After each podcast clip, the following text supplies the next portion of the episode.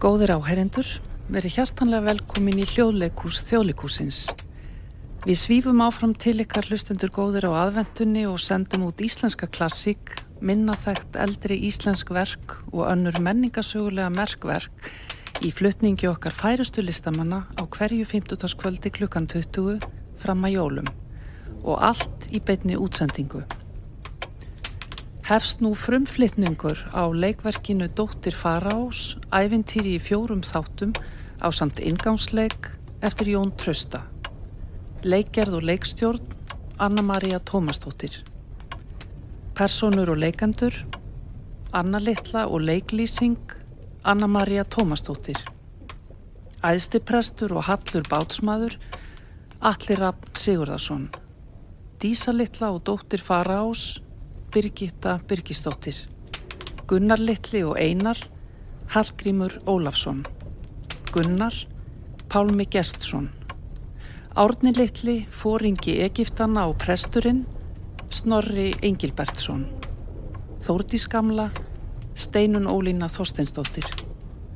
Tónlist, hljóðmynd og hljóðstjórn, Aron Þór Arnason. Umsjón með hljóðleikúsi, Jón Stefán Sigursson.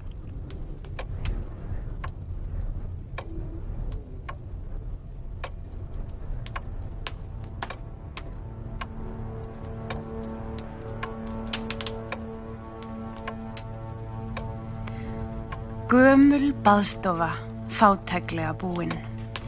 Þórdís gamla situr á rúminu og prjónar. Anna, yngri stúlkan, situr á skemli við fætur hennar með brúðuna sína í fanginu. Hinn börnin leika sér innar í baðstofunni og eru ærsla mikil. Ég skal hverða við þig vel, viljuru hlýða kindin mín. Farinn er að sækja sér sjóða hver og mamma. Æfinlega ertu svo hæg og siðlátt. Já. Ertu nú að svæfa brúðuna þína? Já, ró. Gelving látu við illa, er það ekki amma? Jú, víst látið þið illa, skammarlega. Börn sem voru eins ódæl og óhlýðin eins og þið voruð flengt hæls og nakka á milli í mínu ungdæmi. Varst þú nokkuð tíma flengt, amma? Já, dísa mín, ég var oft flengt. Foreldrar mínir voru strángari við mig en foreldrar ykkar eru við ykkur. Ég hafði gott af því. Þess vegna varð ég ekki lakari manneskja en ég hef verið. Amma, hann átni er að rjála við klukkuna. Árni, er þetta satt? Þú veist að ég er blind og aumingi og get ekki náðu til þín. En ég get sagt pappa þínum eftir þér þegar hann kemur heim. Nú skaltu þá einu sinni verða flengtur. Ég kom ekkert við klukkuna. Jú, víst. Ég veit þú gerðir það, óhræsið þitt. Klögutnar. Eh, hva, hvað gengur á? hún dísa kleip mig, amma. Dísa, skammastu þín ekki. Þetta gerir þú til að stríða ömmuðinni, blindri. Heldur að Guði sem er góður þykir þetta fallegt af þér. Fyrirgefðu mér, amma mín. Ég skal ekki gera það aftur. Anna, þú ert ótögt. Æ! Ykkur væri skammar nær að reyna að gera eitthvað til gags en láta svona eins og þið látið.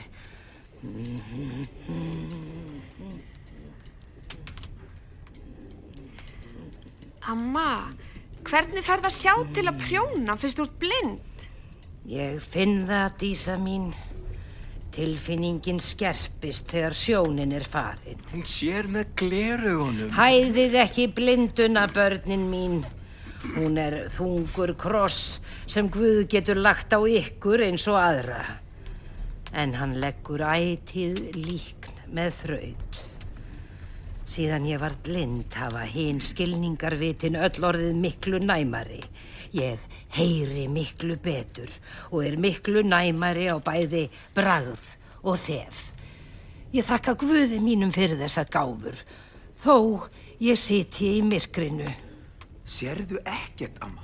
Ekki í vitund? Jú, Gunnar minn, ég sé margt sem þið sjáið ekki. Þegar ytri sjónin dopnaði, fór svo innri að skýrast. Ég sé margt sem þið sjáið ekki. Hvað er innri sjón? Flóm. Það er það sem að, maður sér í huganum. Fadir þinn er að sækja sel. Pappi hefur skotið sel í dag. Hvernig veistu það? Ég heyri því skotið. Pappi skýtur aldrei framhjá. Ef hann hefur skotið sel, þá er það illa farið. Illa farið. Já, það er alltaf illa farið þegar einhver saklaus skeppna verður að láta lífið mönnunum til bjargar. Ekki annað. Ó, ég hlakka svo til að fá súpu af nýju selskjöti. Maður verður svo sterkur að því. Þú verður aldrei sterkur, hvað sem þú lætur í þig. En ef pappiðinn skildi nú hafa skotið mann, þætti þér þá væntum. Mann? Ef einhver skildi nú skjóta þig sjálfan og hafa þig sér til matar, þætti þér það fallega gert. Hver er að tala um það? Ég er ekki selur. Nei, en selirnir eru menn í álögum. Hvað segirðu? Selirnir eru menn í álögum. Og hver segir það? Gamlir og fróðir menn segja það. Menn hafa margsinnis komist að því. Þeir kasta af sér hömunum einu sinni á hverju ári og verða þá mennað nýju ofur litla stund. Og þeir hafa fyrir heitum að verða algerlegað mönnum þegar mennirnir eru hættir að ofsækja þá. En hvað þetta er skrítið? Já, það er margt í ríki tilvöruna sem okkur þykir undarlegt, drengur minn. Okkar skilningur nær svo skamt. Hafið þið ekki tekið eftir því hvað beinin í selnum eru lík mannabeinum. Ég hef aldrei séð mannabein. Þú færð að sjá þau þegar þú verður stærri. Þá færð að sjá nóg af þeim. Þau koma upp úr kirkjugarðinum þegar grafir eru teknar. En lifandi sel hafið þið séð öll saman. Ekki ég. Ekki þú, væna mín. Þú ert svo lítil. En hafið þið þá ekki tekið eftir því hvað augun í selnum eru falleg? Jú, það er alveg satt. Það eru mannsaugu. Góðuleg og grindarleg mannsaugu. Að hugsa sér. En hvers vegna eru selirnir í álögum? Það eru liðsmennirnir hans faraós sem druknuð í hafinu rauða þegar þeir veittu Ísraelsmönnum eftirför. Þú hefur lesið biblíu kjarnanðinn. Já, Hafið klopnaði fyrir sáttmálsörkinni og stóð eins og vekkur til beggja handa meðan Ísraelsmenn gengu þurrum fótum yfir. En þegar Faraó og hans menn kom í mitt hafið þá fjall það saman yfir þá. Og þeir druknuðu. Nei, þeir druknuðu ekki. Ekki allir. Þeir voru saklausir í ódæði faraós, þó að þeir væru neittir til að fylgjónum. Guð gaf þeim líf og gaf þeim selshami, svo þeir gætu lifað í sjónum. En hann lagði það á þá í hegningarskyni fyrir fylgni þeirra við heiðin konung að þeir mætti ekki koma upp á land og kasta af sér hömunum nema einu sinni á ári. Og mennirnir, bræður þeirra, skildi ekki þekka þá, heldur ofsækja þá til domstags. En ef mennirnir hættað ofsækja þá og sína þeim bróður kærleika, þá eru þeir lausir úr álugun. Vesalik selinir. Þetta er tóm vittlisa.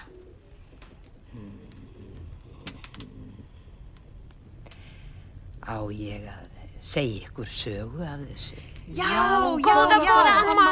Já, góða, góða amma, nú er ég góð, þó þið gerðu mér nýlega allt til íls. Ekki ég.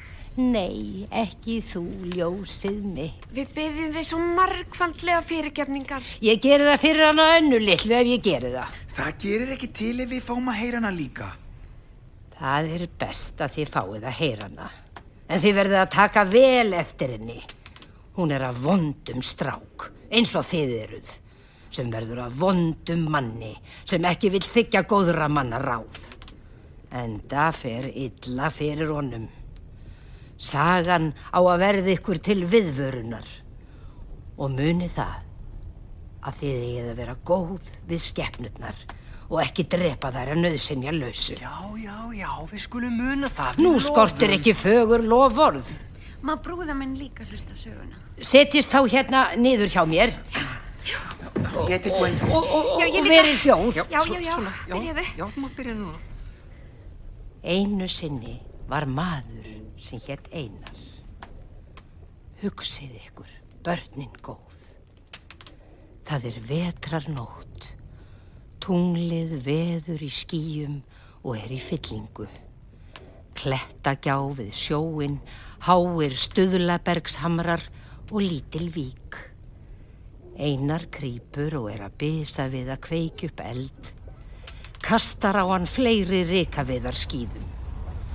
Við og við lítur hann upp og hlustar. Gunnar, föðubróðir hans, lítur fram af klettabrún en Einar verður hans ekki var. Þetta grunaði mig. Þarna er hann. Einar situr á steini við eldin og handleikur langskefta öksi. Gunnar klifrar ofan klettana þar til hann er kominn að baki Einari. Nú sjáumst við hérna. Einari verður hvert við, stekkur á fætur og mundar öksina. Alltaf verður þú á einhverju snuri. Já, það sýnist ekki veit af því. Ég var búinn að sjá það fyrir lönga að þú bjóst yfir einhverju. Þess vegna hafði ég gátt á þér. Gátt á mér. Þú ert bróður barnið mitt og þú ert enn á óvita aldrei þrátt fyrir alla stærðina. Ég er eini maðurinn sem stendur ekki á sama hvernig þið líður eða hvað þú hleypir þér út í. Já, já, já, já, hlæðu bara, hlæðu. Það býtur ekki vitund á mig. Ég hef haft strángar gætur á þér þessa dagana. Strángar en ég er vanur. Ég vil vita hvað þú hefst að. Vita hvað ég hef stað. Hvað var það þig um það? Ég ber ábyrð á þér, eins og barni. Hvað ætti að gangað mér út í svona góðu veðri? Þér er hvergi óhætt, því að þú kant ekki fótum þínum forráð. Nú, nú, og hvað hefst ég þá að? Það sem ég kveið mest fyrir. Nú, og hvað er það? Þú magnar seið. Ég magna seg. Þú gerir það af óvitaskap, eins og við er að búast að þér. Þú kant enga seiðþulur og þú hefur enga seiðstafi. Þú kant ekkit nema það eitt sem hættulegast er af öllu, að kveikja upp eldin. En varaðu þig. Þú leikur þér að logandi eldi. Þú magnar seið að sæfarbúum. Nú, má ég það ekki? Fyrst engin annar þorir að reyna það? Þú hefur heyrt hvernig farið hefur fyrir þeim, þó að þú viljir ekki við að kannast nú. Þeir hafa annarkort fundist gersamlega vitskertir eða, Eða hvað? eða verið ripnir í sundur í smá tætlur. Ég veit ekki hvort óttalegra er. Veistu hvað það er að vera vitstóla? Ganga nakin, blár og þrútin með augun starand af æði, vera öllum mönnum til öngunar og skelvingar.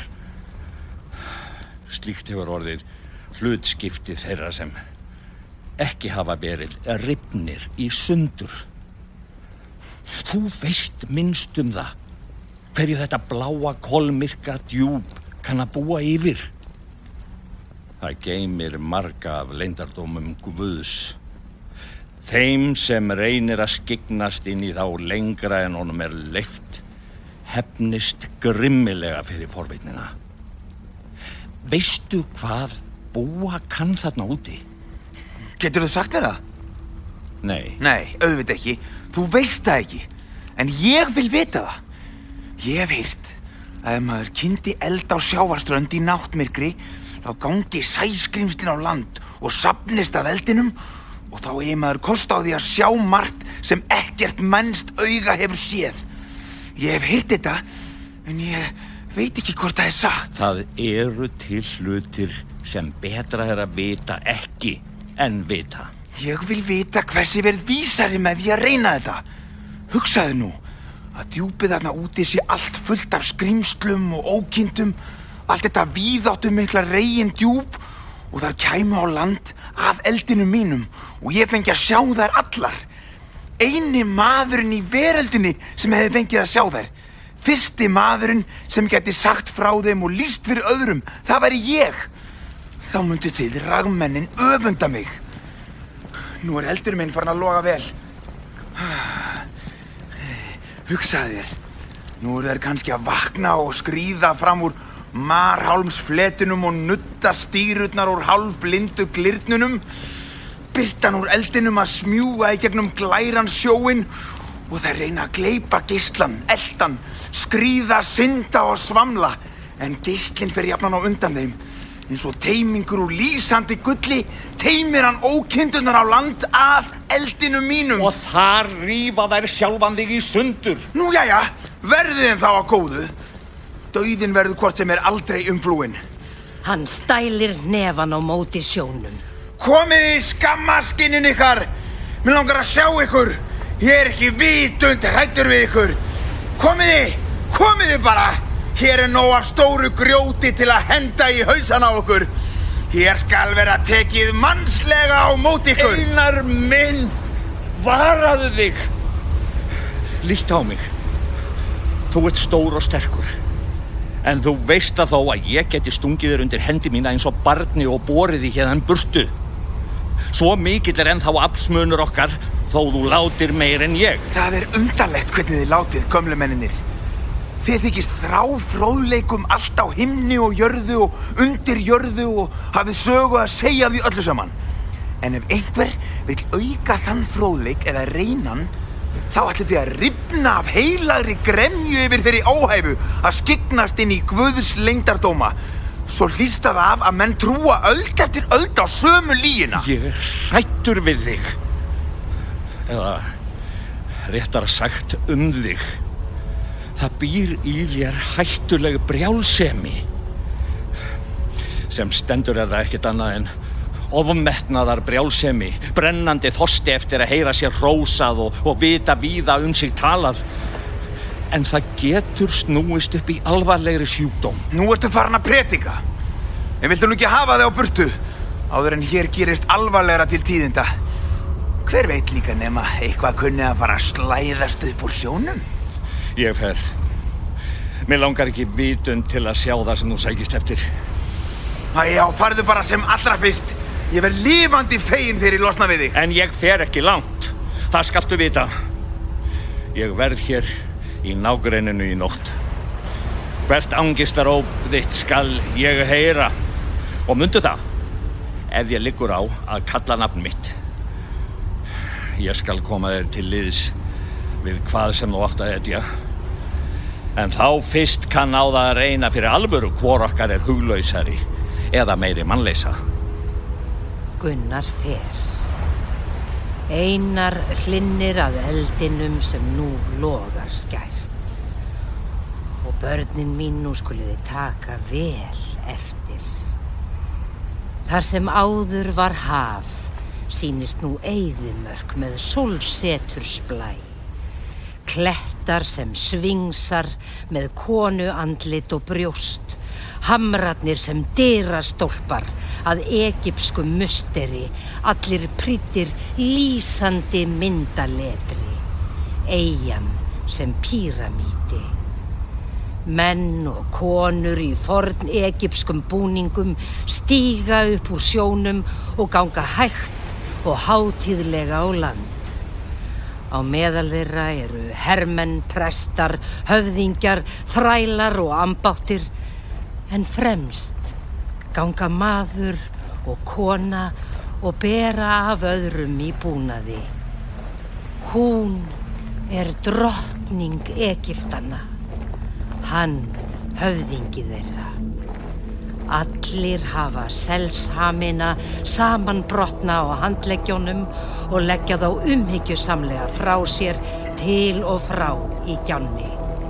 Einar felur sér bak við klett og horfir undrandi á það sem framfer. Drottningin, dóttir Faraós, tekur til máls.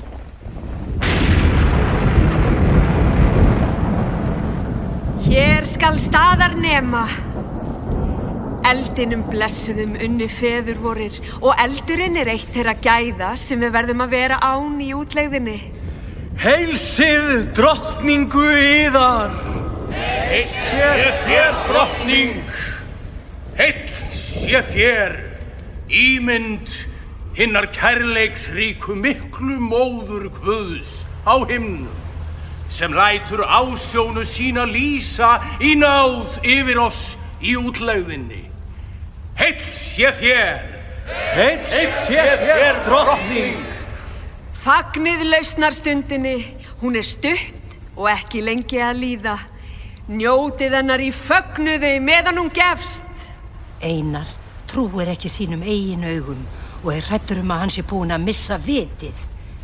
Engum verður honum star sínt á dóttur Faraós. Æðsti prestur vor mælir hinn alvöru miklu orð. það land sem hér ber í svipum og sínum heitir Egyptaland, land feðra okkar, fara óana. En ofmetnaður þeirra leiddi glötun yfir þá.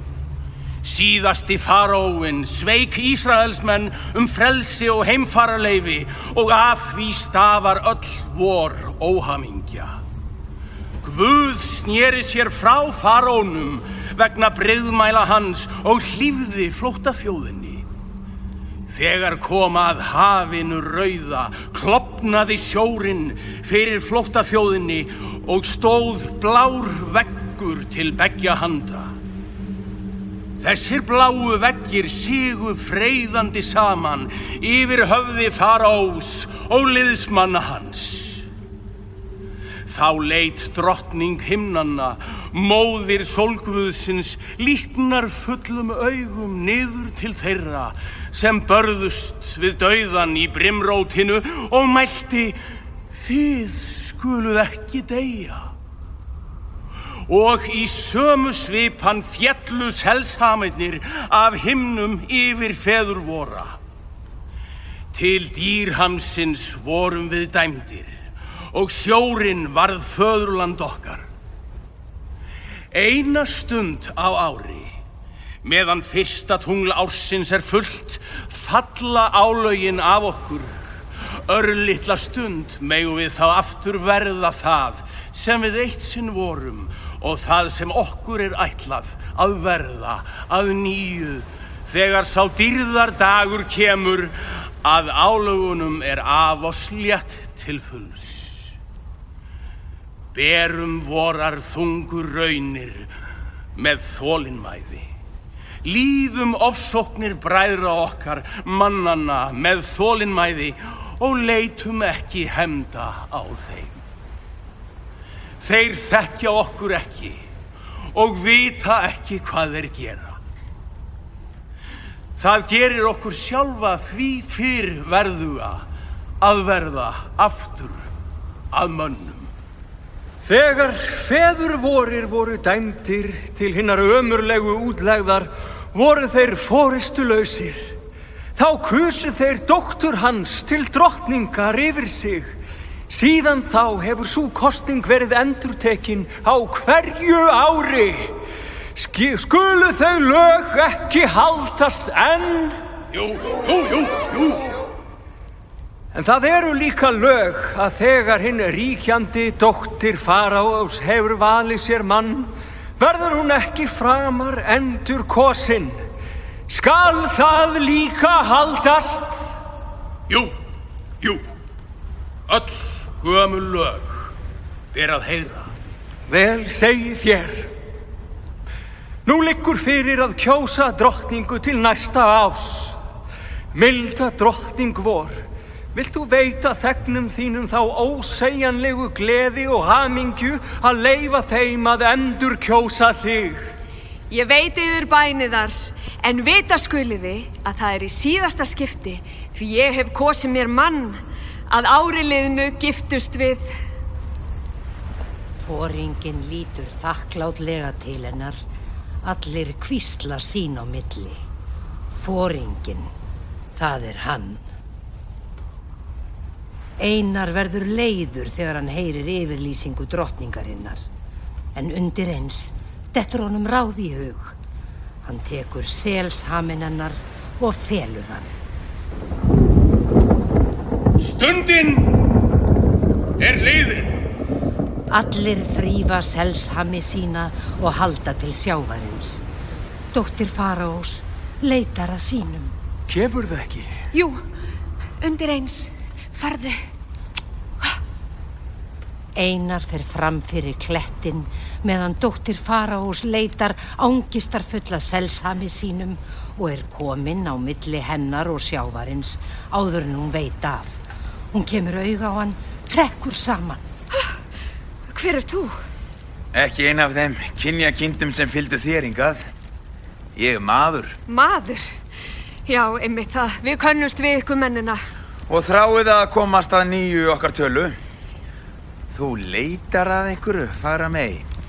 Ég leitaði því sem aðskilur menn og seli. Ég leitaði selsamnum mínum. Veist þú nokkuð um hann? Getur verið. Fáðu mér hann. Hann hæfir þér ekki. Hinga til hefur hann farið mig vel og án hans má ég ekki vera. Hér eftir verður þú mannadrottning en ekki sela. Mannadrottning. Já, og ég verð konungurinn. Og við munum drottna og unnast hugástum. Allir munum lút okkur af lotningu og elsku. Ég, ég hef valið mér eiginmann. Honum er ég heitin og honum einum mun ég unna. Á landi getur þið ekki átt sel fyrir eiginmann. Náðarstundin er breytt í heila æfi. Aldrei þartu framar á þessum anstíkilega dýrsamað halda. Anstíkilega. Aldrei hefur mér þótt eins vænt um selsamið minn og einmitt nú. Hann er þó náðargjöf móður hins eilífa kærleika. Þið mennirni kastið aldrei dýrsaminum og vitið ekki hver einasta litla stund sem er hafin yfir hitt daglega dýrslíf göfgar og gleður meira en heil æfi í mannsham. Við mennirnir höfum engan dýrsam. Ekki það. Flestir ykkar hafa ekkert annað en dýrsam. Ekki einu sinni mannsál í honum. Ekkert rándýr jarðarinnar er eins grimt, hrókafullt og eigingjant eins og þið mennirnir. Allir lifiði á blóði og kjöti annara dýra frá vöggu til grafar. En það er þó það minnsta. Ekkert dýr jarðarinnar hefur eins gaman af að drepa og kvelja saklusa skeppnur eins og þið. Hjartablóð annara dýra er svölun ykkar. Í fjörbróð þeirra leikfang ykkar. Miskunalöst keiriði vopnun í höfu þeirra á hjarta þótti sjáið mannsaugun mæna upp á okkur úr varnalösum dýrsamnum og byggiðu væðar. Þið þykist bera af öðrum skeppnum. Á meira? Fáðu mig selsami minn. Það get ég því miður ekki. Hvers vegna ekki? Sá eða sú sem hefur gefið hann, hefur fengið hann aftur. Þú sagður hann væri fallin af himni. Nú er hann stíinn þangað aftur. Hvað þá? Talaði svo í skilji. Ég lagði hann á eldin.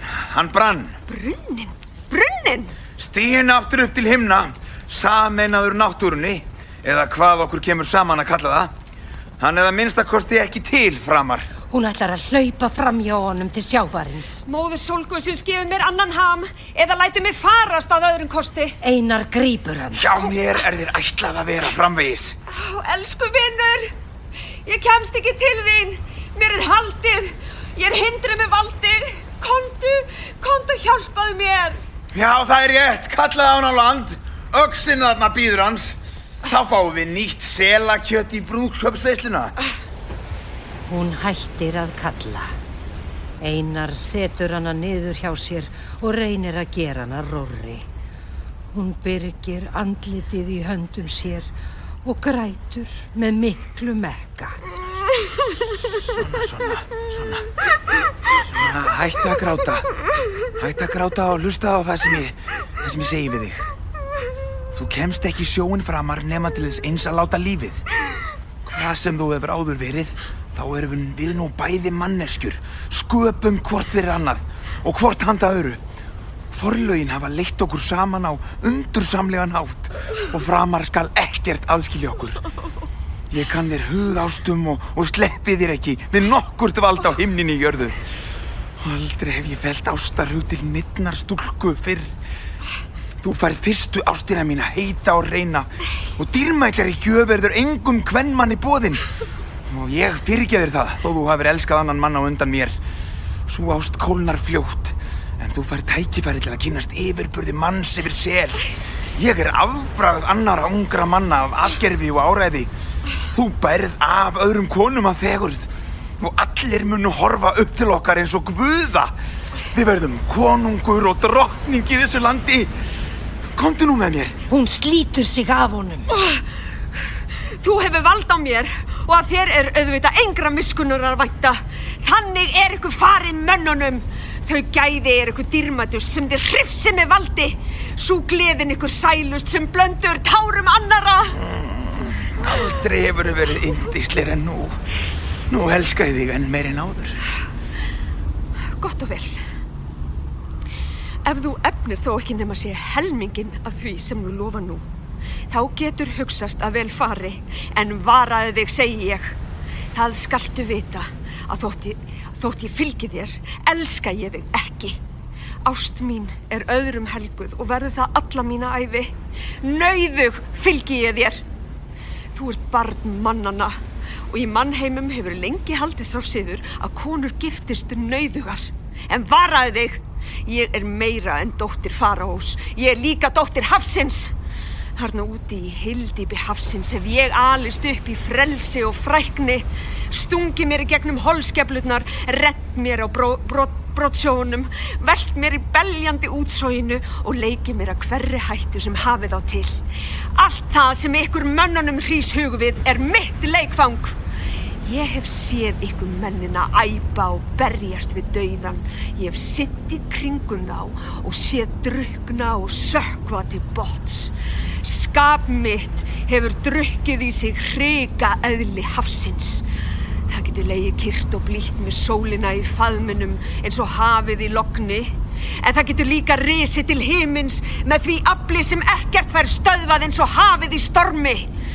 Hugsaðu nú um áður en þú heldur lengra. Gunnar klifrar niður úr klettunum þar sem hann hafði haldið sig. Svona er þá komið. Já, svona er þá komið. Og þetta er þá skrimslið sem þú varst að ógna mér með? Er það ekki ræðilegt? Meira ólán gati ekki hend. Vesalingurinn, Ég er hún ekki indisleg. unga stúlka. Vilt að ég hjálpi þér? Einar reyðir upp öksina. Látt hana vera, hún er mín.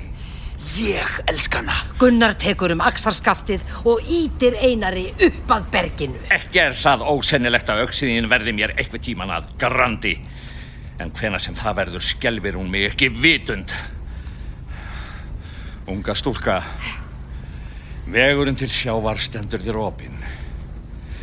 En hugsaðu út í eitt áður en þú ræður á þitt. Við erum sjálfsagt ekki sömu trúar, en við trúum þó sjálfsagt að Guð sé til og vegir hann séu órannsakanlegir. Hugsaðu til þess að það væri nú hans vilji sem hefði leitt þig hingað og hann fæli þér að temja þennan treytta gæfing, myndur þau skorast undan slíku hlutverki. Ég þakkaði fyrir hjálpina, gamla hetja. En hún kemur að engu haldi. Já, einskis annar úrkosta en að lifa á landi upp í híðanaf. Viltu lofa að vera henni góður? Ég ann henni af öllu hjarta.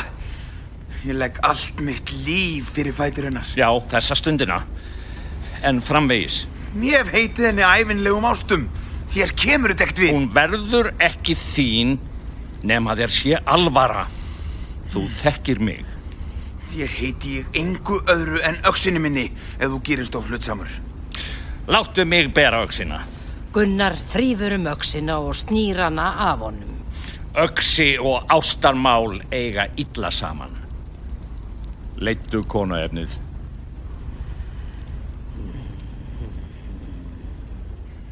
Svo... Viljiði heyra meira börnin góð? Já, endilega, amma. Í fátæklegum bæ við sjóin krýpur dóttir faraós við vöggu og raular gælur yfir tvípurum á hvítvóðungsaldri. Hún hefur nú dvalið tvö ár hjá einari. Hún er þreytuleg sjómannskona nú og einar er þungur í skapi. Hefur ekki matinn til? Nei, ég hef enga mat til. Hvernig stendur á því? Þú hefur enga mat dreigið til búsis í marga vikur. Hvaðan á ég þá að hafa mat? En Gunnar? Gunnar er okkar maður. Honum ber engi skilda til að sjá fyrir heimilinu. Að hann gerir það samt er annar mál. Ég held að hann gerir ekki annað þarfara. En hvað er þú að gera allan þennan tíma sem þú ert að heiman? Ég er að vinna fyrir ættjörðina. Vinna fyrir ættjörðina? Vinna fyrir konungdóminn sem ég hétir. Já, það þartu ekki að gera. Ég hef lagt niður drottningavirðinguna fyrir löngu. Ég geri enga kröfu til hennar framar. Ég er skapaður til að vera konungur. Ég gerir kröfuna. Já, ég þekki ekki hugmyndar eitthvað mannana um það. Hvað sé að vera konungur? En konungdómur yfir þeim skara sem þú dregur að þér er lítilsvirði. Virðing konungs fyrir eftir virðuleik þegnana. Þó að þessi mennallir sem ég hef séð þig leita vináttu við tækju þið til konungs í einu hljóði þá er þeir aldrei neitt annað en regla konungur að ég ekki segi konungur flökkulís og bófa. Þeir eru fáir og fátækir en þeir eru hugaðir. Þeir þóra að hefna harma sinna á stormennum. Er Gunnar meðal þeirra sem heitaður fylgi? Gunnar, skræfan svo. Hvað ætti ég að gera með hann? Gunnar, nei, auðvitað ekki. Gunnar er yfir slíkan félagskap hafinn. Gunnar er eini maðurinn sem ég hef kynst sem ætti það skilið að vera konungur. Gunnar konungur? Já, en hann kæri sig ekki um það. Enginn sem getur verið konungur kæri sig um það. Aðeins þeir sem hvorki geta það nýja annað sækjast eftir vegtillinni. Ég verð konungur og geri þig að drottningu eins og ég hétt þér. Ég verð konungur af ástil þín. Þú lígur að mér. Hverju þá? Öllu, öllu sem þú segir. Sjón til, það er ekkert smáraði. Öllu! Allt þetta skrafðitt um konungdóm er gert til að leiða mig í villu og láta mig sem er ókunnug halda að þú, rævillin, sért einhver mikill maður. Þú heldur að ég sjá ekki gegnum allar þessar legar og blekkingar. Þú þykist ekki vera mér sambóðin nema á sért konungur. Þú heldur að, að þú verði með sambóðunari ef drikkjubræðinir og, og þessi flökkulíður sem þú sapnar að þér klínir á því konungstilli. Þú, rævillin sem ekki hefur mandæmi til þess að fæða heimilið þitt. Láttu krína þig með dálkum, það hæfi þér. Reyndu að hafa mannskap til að veiða fiskarna sjálfur sem dálkarnir eru skornir úr. Þú konungur, Ó, ég auðvaði meira en ég fyrirlítið. Þig hef ég gert að drottningu. Drottningu! Þó þú sért enn í tötrum. Mig hefur ekki gert að neinu sem ég ekki var. Einar tekur líkil úr vasa sínum, opnar stóra kistu sem stendur við rúmið og tekur upp úr henni selshamin, heldur honum upp. Þetta varstu? Selshamurinn minn! Þetta varstu áður en ég kynntist þér. Kvikind í sjónum sem allir menn ofsóttu og fyrirlitu. Kæpa sem að skreiðst upp, upp í fjöruna til að sóla þig. En flúðir í sjóin undir eins og þú varst mannavör. Þetta varstu. Hann hefur þó ekki brunnið. Ein líin til. Þetta varstu. Lítu á, lítu á. Mér var sagt að ókyndir úr sjónum myndi koma að eldinu mínum. Og sannarlega kom svo allra versta sem til var. Ég þarnaðist heimilisgleði og heimilisfriðar mest af öllu. Það sem ég gæti kvíkt höfu mitt er ég kæmi frá stríðunu fyrir konungshauksjónu mínar. Og þessu heimili hefur þið breytt í vargspæli. Þú og Gunnar, þið setjist bæði að mér þegar ég kem heim. Þá er ekki öll von úti. Þig, sem ég hef gert að mannesku. Þú vannþakkar mér líka. Fáðu mér selsamið minn. Hmm. Langar það að fá hann? Hún byður hann á njánum, fórnar höndum, grætur. Fyrirgefðu mér allt sem ég hef sagt. Fyrirgefðu. Verðu miskunnsami við mig. Fáðu mér selsamið minn. Nei, góða mín. Nú loka ég niður aftur og liklónum skaltu aldrei ná. En ég grýp til hans þegar þér hættir við að verða allt og mikil manneskja. Hann þarf að minna þig á fyrri tilverðina. Einar slítur sig af henni, lokar haminn niður og stingur liklum í vasa sinn, stormar út fyrir dyr. Dóttir faraós í táraflóði hugar að kvítvóðungum í vöggu sinni. Gunnar byrtist í dyragættinni. Gunnar! Já? Myndið þú geta fyrirgeða mér það ef ég, ef ég skildi við hann? Já. Uh, já. Þú getur ekkit við hann ráðið fremur en ég. Ekki nú orðið. Fyrst ég það, meðan hún þótti væntum mig.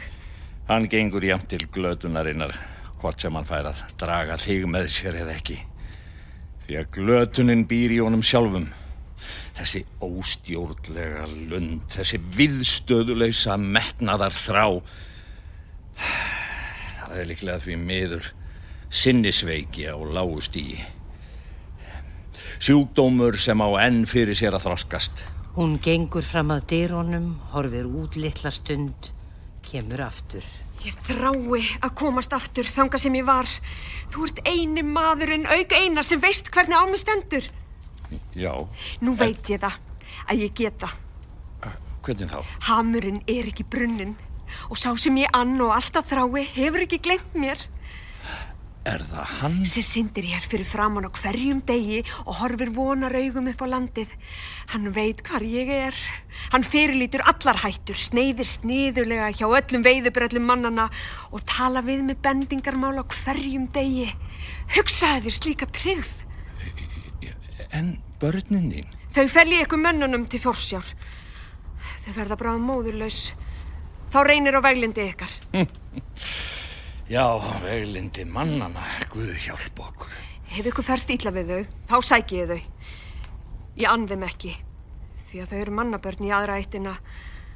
En ég vil heldur halda á þeim dauðum og köldum í faðmi mínum úti í sjónum en vita þau lifandi meðal illmenna og óhræsa. Já, já, það er vonað og þráir að komast í þann. Það gera fleiri. Sjórin þarna úti sem þú horfir svo oft löngunar augum til, hann er vel komið við líf mitt. Ég bæði elskan og hata. Ég elskan af því að ég er uppalinn við hann og á honum og ég hata hann fyrir það sem hann hefur svift mig. Hverju hefur hann svift þig? Öllu sem ég hann. Honum nægði ekki minna. Öllu? Ég gleym ekki þeirri stund með ég lifi. Ég stóð í fjörunni og báturinn var að koma að landi. Í þeim bát var konan mín og börnin mín bæði og bróður minn, padir Einas. Það var brim og það fór stöðugt vaksandi hver hól skeplan annari ægilegri. Ég gerði bróður mínum bendingum að leggja frá og, og reyn ekki að lenda en, en hann var eins og einar. Þáði aldrei nokkus manns ráð. Svo get ég ekki líst þeirri skelvingu. Báturinn marg veltist um í breminu. Ég sá aldrei konuna mína eftir honum fóldi. En hrengina mína sá ég berjast um út í breminu og, og, gæti ekki bjarga þeim. Vesalins Gunnar. Laungum hef ég séð það á þér að þú hefði þunga sorg að bera. Slíka sorgir leggur Guð árlega á okkur sem við sjóin búum. Heina litli orðin föðurlaus og ég barnlaus. Og síðan þá hef ég annast hann, en nú er hann gengin mér úr greipum. Þess vegna þrá ég nú það eitt að sapnast til ástveina minna. Það er þungt að sjá ástvinni sína sökva í sjóin og get ekki bjarga þeim, en þó er það þingra að sjá þá sem maður elskar glatast lifandi og get ekki bjarga þeim. Fyrirgeðu mér að ég leitaði hjálpar hjá þér í fjörunni þessa nótt þegar örvæntingin ætlaði að yfirbúa mig. Ég, ég gerði það ást til einas. En ég hefði mátt sjá það fyrir að, að það gætt aldrei orðið þér til annars en sorgar og kvalar og honum sjálfum til einskiskaks. Ef þú þykist hafa vangjart til mín, þá hefur þú bætta upp fyrir löngu og enn getur þú verið mér til ómetanlegra þægðar. Hvernig þá? Komdu einari til mín aftur. Fylgd honum nú eftir og mist ekki sjónar á honum fyrir þú getur komið honum heim. Það skal ég reyna, en hamingjan má vita hvernig það tekst. Dóttir Faró stendur í opnum dýrónum og gerir sér tæpitungu við selin úti fyrir. Sendir honum koss. Bráðum, bráðum kem ég til þín. Vertu rólegur, elsku vinur. Bráðum kem ég. En þá bar prestin að gardi. Sæðar verið þér. Sælir? Er Einar heima? Nei, hann er nýfarin eitthvað út. Presturinn kemur að henni með hattin í hendinni. Lítur vandlega í kringum sig en gefur þó engum konunni jamt og þétt auga. Einmitt það. Já, einmitt það. Þér eruð konan hans, er ekki svo? Já, ég á við að þér eruð... Það eru þér sem búið með honum og þetta eru börnin ykkar. Já, Þau eru óskýrð ennþá. þau dafna vel Þau samt. dapna með djöfulinn í holdi sínu og blóði. Þau eru fætt í synd og ekki ennþá tekin inn í Guðs hjörð. Öll sambúð ykkar einars er syndsamleg og nextlar söfnuðinn. Svo? Engin veit hvaðan þér eruð eða hver þér eruð. Menn tala jafnvel um að þér séuð ekki manneskja. Heldur hvað? Illur andi. Hvenar haldi þér að einar komi heim? Ég veit það ekki. Ég ætlaði að fá hann til að veita okkur gott liðsinni. Það er slangur af sel hérna fram með fjörunni. Sel? Já, það gæti orðið mörgum fátæklingunum blessuð björg og ég er einn af fátæklingunum. En hvað selurinn þarna er nærgöngull. Hann ætlar alveg upp í fjöruna. Ó, hamingi hjálpi mér. En sá líka heljar kroppur. Ef það væri nú fengur. Ég lofið honum að vera í friði. Það er selurinn minn. Selurinn, íðar. Já, eða, eða hann hefur hænst að mér. Við höfum kastað út til hans mat á hverjum degi. Þess vegna er hann svona gæfur. Já, það kemur sér bærilega. Ég er viss um að ég get skuttlað hann úr fjörunni. Já, e- þetta er okkar lóð. Ykkar lóð! Kirkjan á lóðinnar sem öll húsin hérna standa á. Þetta líka.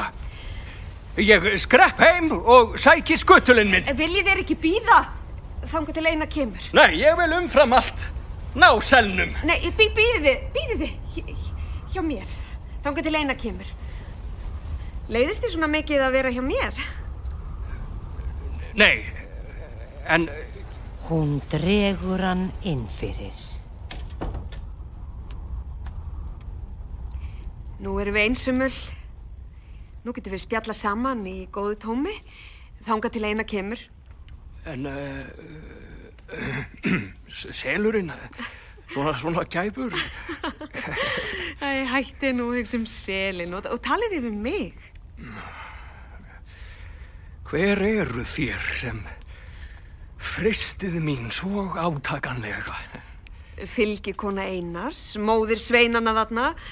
Við höfum verið nábúar í heilt ár. Eru þér manneskja? Eða eru þér andi? Eða eru þér... Þólið þér að sjá þennan kross? Þennan kross skal ég kissa fyrir yður. Ef yður er þægði því. Hún grípur krossin og kissir. Nú sé ég að þér eruð hold og blóð eins og ég. Ég held að þér varið íllur andi, klættur svo faguri mynd til þess að verða á vegi mínum og fresta mín, leiða mig til syndar. Nei, ég má ekki segja það. Ah, Þér hafi verið opimberun óska minna, vona minna, alls sem ég hef þráð, fegurst og yndislegast. En svo heimska. Ég hef elskað yður. Ég hef öfundað einar að því að njóta samvistar yðar. Ég hef hatað hann. Yfirgefið einar og fylgið mér eftir. Takið börnin yðar með þér ef þér viljið. Ég skal sjá um þig yðar vegna. Ég elska yður miklu heitar en hann og ég er yður miklu verður en hann.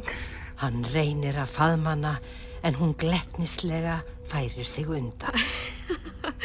Hvað hugsið þér? Ekkert, ekkert, ég get ekkert hugsað. Ég er vitfyrtur af ást til yðar. Ég krefst einskis af yður nema þér elskið mig eins og ég elska yður. En hvað þér eru hátílegu, fadir? Það var dýrmætt að fá að sjá yður í þessari mynd. Hlægið ekki af mér. Ég elska yður svo að ég veit ekki hvað ég geri. Þei, þei, nú er einar að koma heim. Þér vildu finna hann, æru verðu ég fadir, var það ekki svo? Nei, ég vildi ekki finna hann. Ég vissi vel að hann var ekki heima. Ó, hvílikur glópur ég er. Æ, sálna hyrðir. Hvers vegna skildu þér ekki vera líkur hjörðinni sem þeir eru söttur yfir? Eitt er ykkur öllum mönnunum sameigilagt. Það er græðkin eftir fjö og munaði. Hvers annars konu gyrnist þið, en ef þið sjáu gæfan sel við landsteinuna, þá gyrnist þið hann líka. Konan hleypur ekki undan, en selurinn getur gert það. Það er illt þannig að þurfa að hafa tvö járn í eldinum. Í þetta skiptið hafið þér gengið í gildruna, prestur minn. Já, það er satt, ég hef gengið í gildruna. Þér hafið tælt mig í hana. En setna koma sumir dagar og koma þó. Og hvort sem þér eru manniska eða djöfull, þá skal ég hefna mín á yður. Presturinn fer snúðugt út í baksín og um leið heyrist háfaðinn í einari. Dóttir Faraós er æst í skapi en kátt þó. Einar og Gunnar koma inn. Einar er dauða drukkin, hefur verið í áflóum og er með blóðströym við nefið. Gunnar leiðir hann inn. Einarinn mikla skulið kalla mig. Einarinn mikla. Einar Magnús heitir það á latínu, segir presturinn. Einarinn mikla. Einar Rex. Magnús Rex. Svona einar minn, svona. Konungurinn mikli. Gunnar, ég verð konungur. Legðu þið nú út af. Gunnar leggur Einar í rúmið. Og slík dýr skildi nokkur kona faðma. Slík eru kjör alls fjöldans af konum okkar mannana. Og þetta verða þeir sem elskar þá heitast að horfa upp á. Ég skal drepa þá alla saman Svikarna líka og prestin líka og þig Gunnar ég drepi líka Ég steindrepi þig Einar sopnar. Ó, lítu fyrir mig eftir vini mínum. Presturinn sækir eftir lífans til hemda við mig. Presturinn? Já, mættu þau honum ekki? Jú. Ég, nú fer ég að skilja. Svo bregðast krosstrija sem önnurtrija. Dóttir Faraós gengur hægt að rúminu og tekur liklana úr vasa Einars. Krýpur við kistuna og opnar hana, fer hljóðlega að öllu, en þó með hálgerðu fáti. Tekur upp selshaminn og stingur honum undir hendi sína. Hveður börnin í vöggunni og flýti sér út í átt að sjónum. Gunnar stendur hjá og sér hana ganga burt frá bænum. Hún er þá farin, blessunin.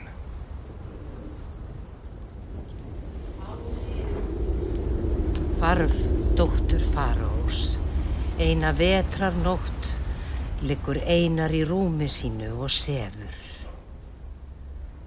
Þá skyndilega byrtist honum í draumi, dóttir Faraós í fullum skrúða. Einar, ég veit þú sefur, en þú munt muna allt sem ég segi við þið nú, eins skýrt og þó að það var að tala við þið í vöku. Fyrirgefðu mér að ég yfirgaf þig undir eins og ég sá færi til en ég gat ekki annað. Elsku ég minn, beigð mín hérna framan við fjörusteinana. Nú eigum við tvo drengi, tvíbura, alveg eins og ég átti á landi. Ó, mér þykir svo hjartanlega vænt um þá. Þeir eru svo fallegir og synda svo ljómandi vel. En nú vofir óhamingjan yfir okkur öllum og ég sný mér til þín og særi við þig ásttá sem þú eitt sinn hefur borið til mín. Að gera hvað þú getur til að hjálpa mér. Selagjá er full af sel sem hefur flúið undan briminu og presturinn hefur komist að því og þú þekkir græðkina í honum. Hann er að sapna mönnum nú miðjanótt til að vinna alla selina. Minnstu þess nú hvað þú elskaði mig einu sinni. Ég veit þú getur ekki afstýrt förinni, það getur engin mannlegum áttur. En gætur þú hjálpa mér og hlýft mér og nánustu ástvinnu mínum. Ég verð út á rúmsjó og syndi í kringum bátinn og taktu nú vel eftir sem ég segi við þig. Fremst í gjánni leikur stór selur, stærri en allir aðrir. Það er maðurinn minn. Hlýfðu honum og lofaðu hann að komast undan. Innst í gjánni liggja tveir ofur litli kópar með undurfalleg augu. Það eru sveinarnir mínir. Sjáðu um að enginn þeim neitt mein. Það er þér svo undurhægt. Gerðu þetta sem ég byrð þig, vinu minn. Gerðu það vegna barnan okkur á landi. En ef þú gerir það ekki, máttu reyða þig á að ég hefni minn grimmilega. Minnstu þess að ég er dóttir Farós og dóttir Hafsins og hef ert mátt og skap þeirra! Þá er barið að dyrum. Einar! Einar, ertu vakandi? Ljúktu upp fyrir mér. Hvað viltu? Ég þarf að tala við þig alvarlegt mál. Einar tekur slagbrandin frá og þungur veður hvinur gustarinn.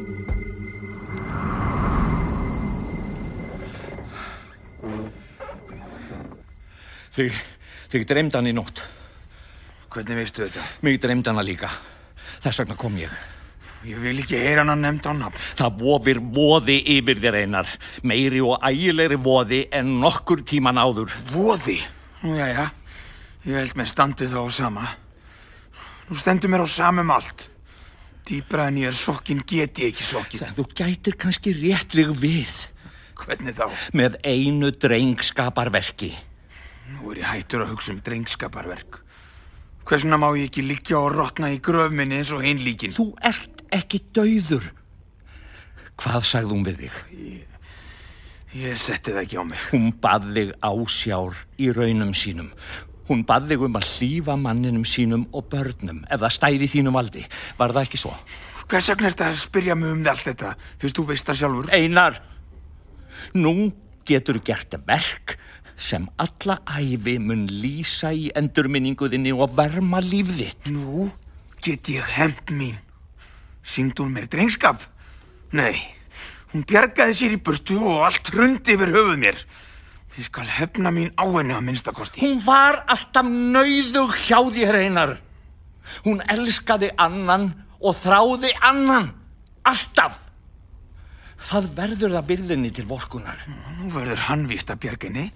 Hún er ekki lífsættu sjálf. Það eru ástvinir hennar. Og þeir eru bjargarlausir.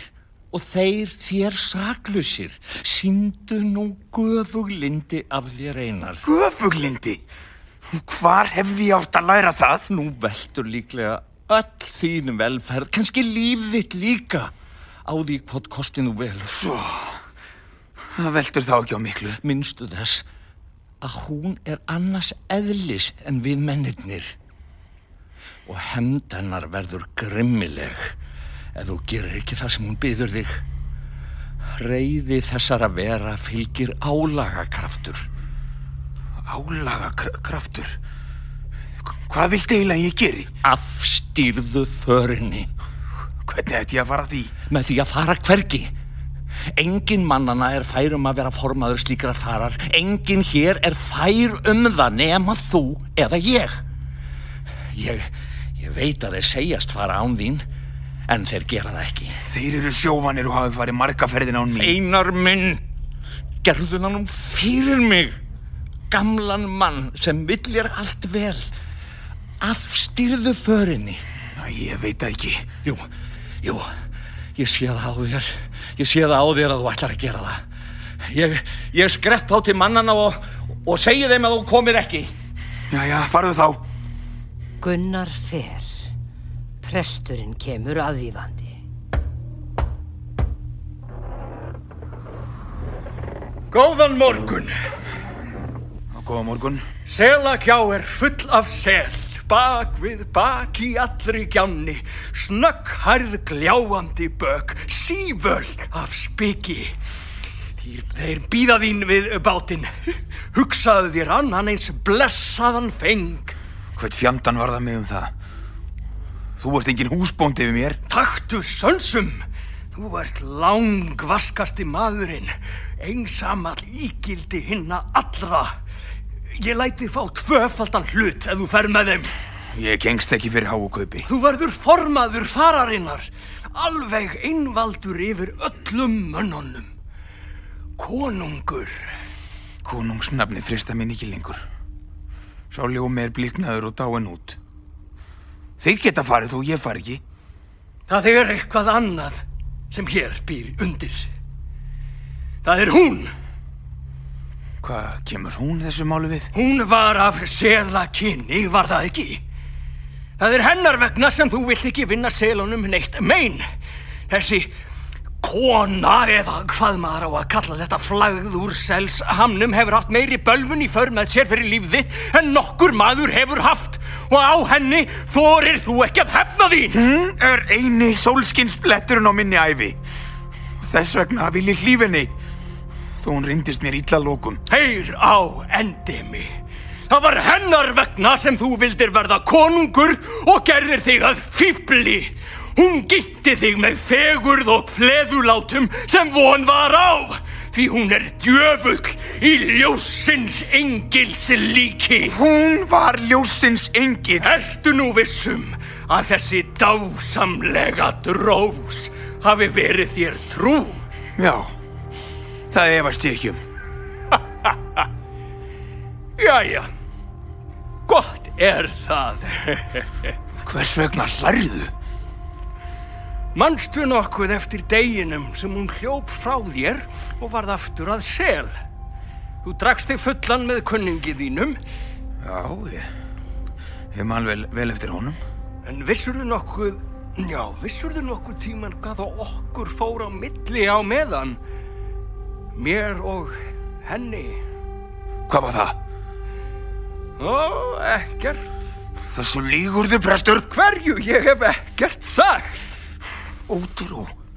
Og það með þessum óþokka. Og þú þorir ekki að hefna þín á henni samt. Hetjan. Segðu þeim að setja fram bátinn. Hann þrýfur öxin. Gott, gott, ágætt. Þú kemur þá sem allra fyrst. Já, ég kem undir eins. Presturinn fer. Einar býr sig í skyndi en mætir Gunnari í því hann ætlar að fara. Hvað? Hva, Erst að búa þig? Ætlar að með þeim? Já, ég, ég get ekki gert það sem hún baði mig um nema ég fari með þeim. Engin veit hverju selitnin hennar eru nema ég. Hleypur út fram hjá honum. Óhamingjunni verður ekki afstýrt. Jæja, börnin mín. Er þetta ekki orðið full gott? Nei, nei, ég vil veita meira, amma. Bjargaði eina selunum. Ef þið viljið heyra mála lok, þá verðið að vera grafkýr. Já, ég lofa. Síðar sama dag hittast við prestbústaðinn, Hallur bátsmaður og sjálfur presturinn. Velkomin úr þessari svaðil för. Sælir skjálamenn, sælir. Bærilega gekk það. Já, eh, ágætlega, ég, ég, já, ég er nú hrættur um það. Já. Á annað hundrað seli, þessa líka litlu kroppa. Já, eh, mig langar að vita hvernig Einar hagaði sér í þessari ferð. Já, hérna, hvað ég vildi segja. Já. Hann uh, hagaði sér nokkuð undarlega.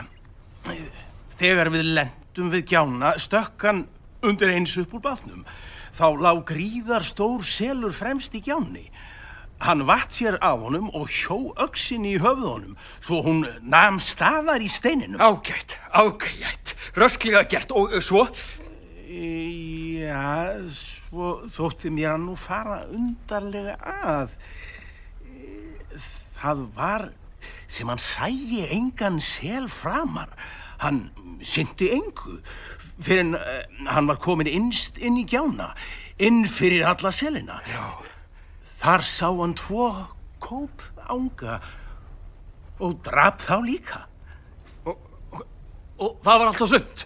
Hann uh, steig yfir stóru selina og ofan á þá, en snerti þá ekki. Við urðum að drepa þá alla.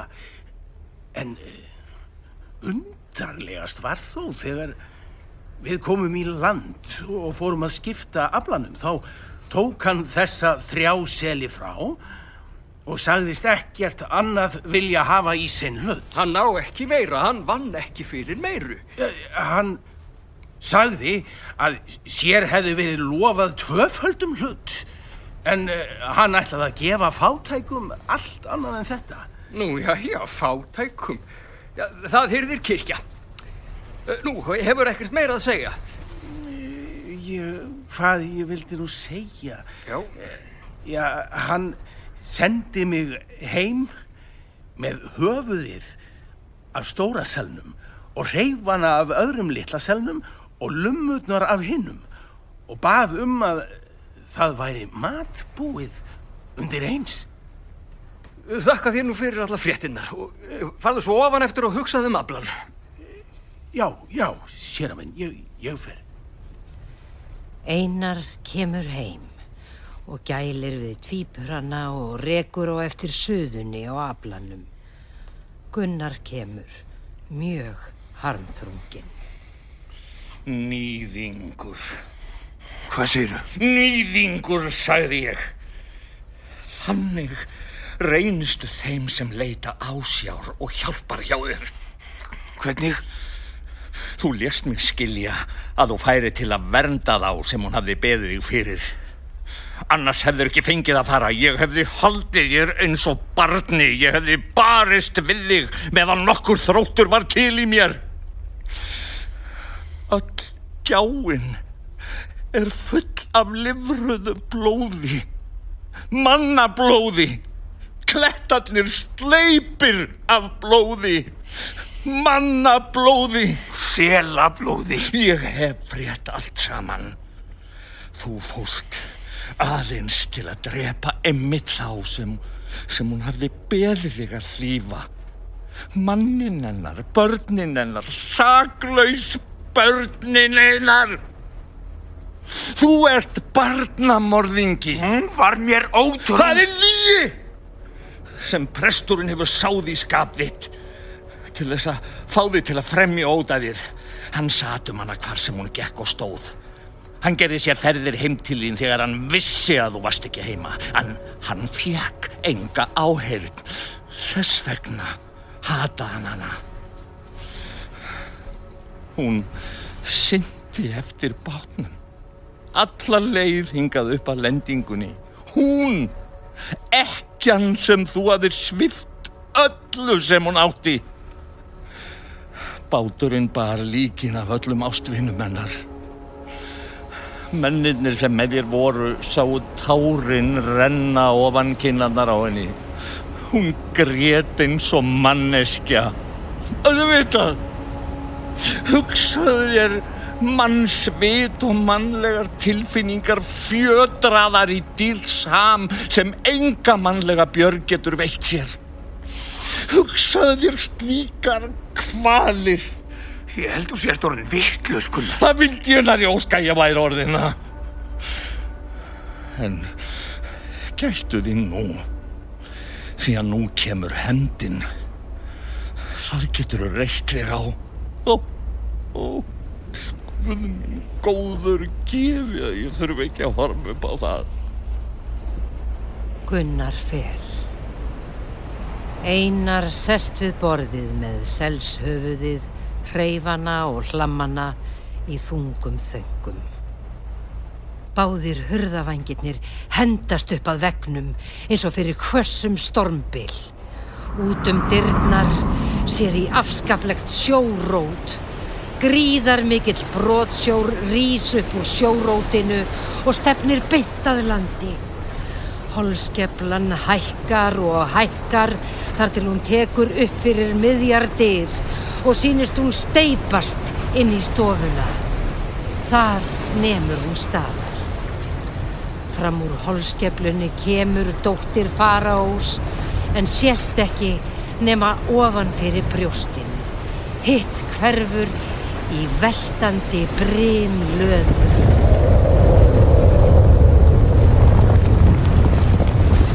Þarna liggur höfuðið af manninu mínum og hendurnar af öðrum litla drengnum mínum en fæturnar af hinum. Þannig hefur þú orðið við bóninni. En ég sagði þér að ég myndi hefna mín. Allt sem ég hef nú mist sem ég átti. En ekki skalt þú missa minna. Drengina þarna tek ég með mér. Það er lítil fjörleg uppbót fyrir drengina mína. En það er ekki nóg. Vitið skaltu missa líka og þó ekki til fulls. Þú skalt hafa svo mikla glóru eftir að þú getur séð þau verk sem þú vinnur í æfinu og kvalist af þeim. Og frá þessum ósköpum skaltu aldrei losna þegar þú leitar á minn fund. Einar horfir á sínina gagtekin, reynir að standa upp. Vertu kér! Hrifðu þig ekki! Hún kallar og báðir drengir hlaupa í fangið á henni. Hún vefur um þá handleggjónum og sígur aftur og baki brotsjóin sem liggst yfir hana og hjaðnar síðan niður. Einar æpir uppi við sig og ætlar að hlaupa á eftir henni en fellur flatur og liggur þar kér. Hall ber að gardi. Hér heyrðist einhver hljóða. Nei, hamingjan, hjálpi mér. Einar, Einar, liggur sem dauður á golfinu. Hvað hefur komið fyrir? Hallur stumrar yfir einari sem kemur smátt og smátt til sjálfsín. Hvað er rauksinn? Hvað er rauksinn? Hvað minn, góður. Einar, ertu búin að missa vitið? Einar tvíhendir öksina með óðbóðusljóðum og hleypur til dyrana. Gunnar mætir honum í dyrunum en hopar út undan honum. Þeir hverfa báðir. Skelvingar óp heyrast úti fyrir. Nei, nei,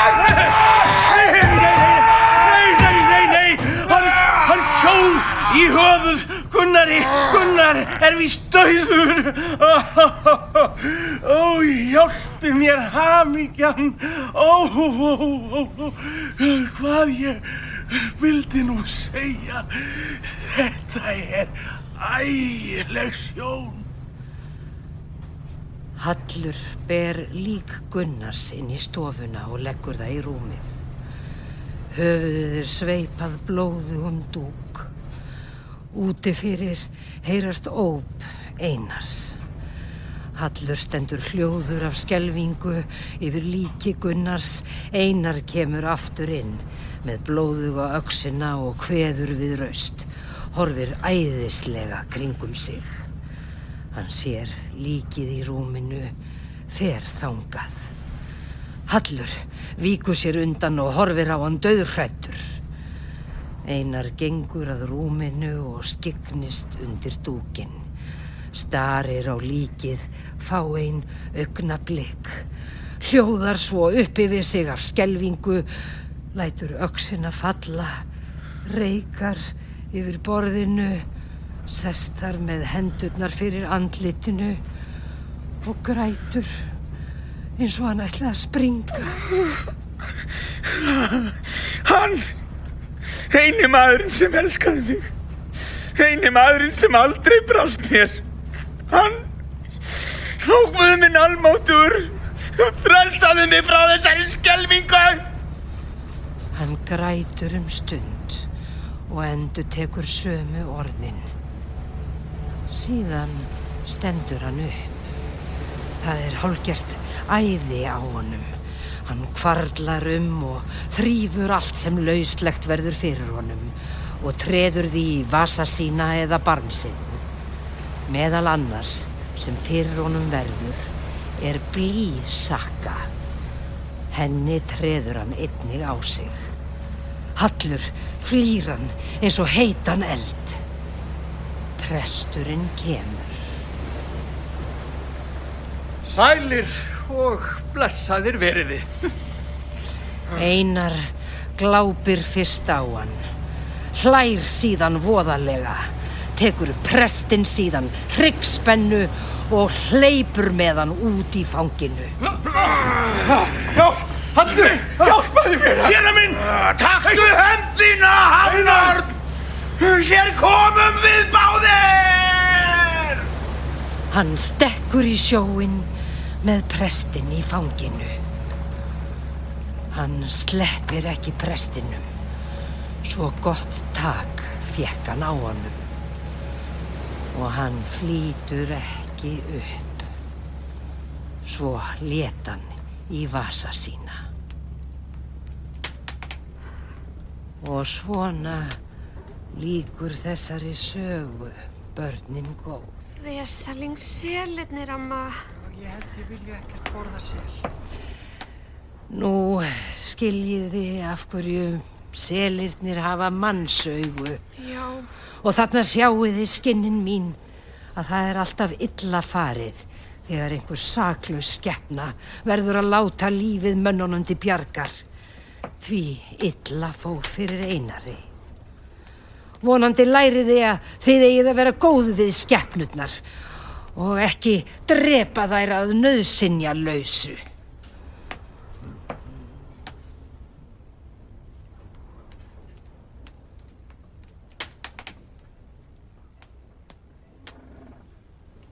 Flutt var leikritið Dóttir Faraós eftir Jón Trausta í beinni útsendingu úr hljóðleikúsið þjóðleikúsins.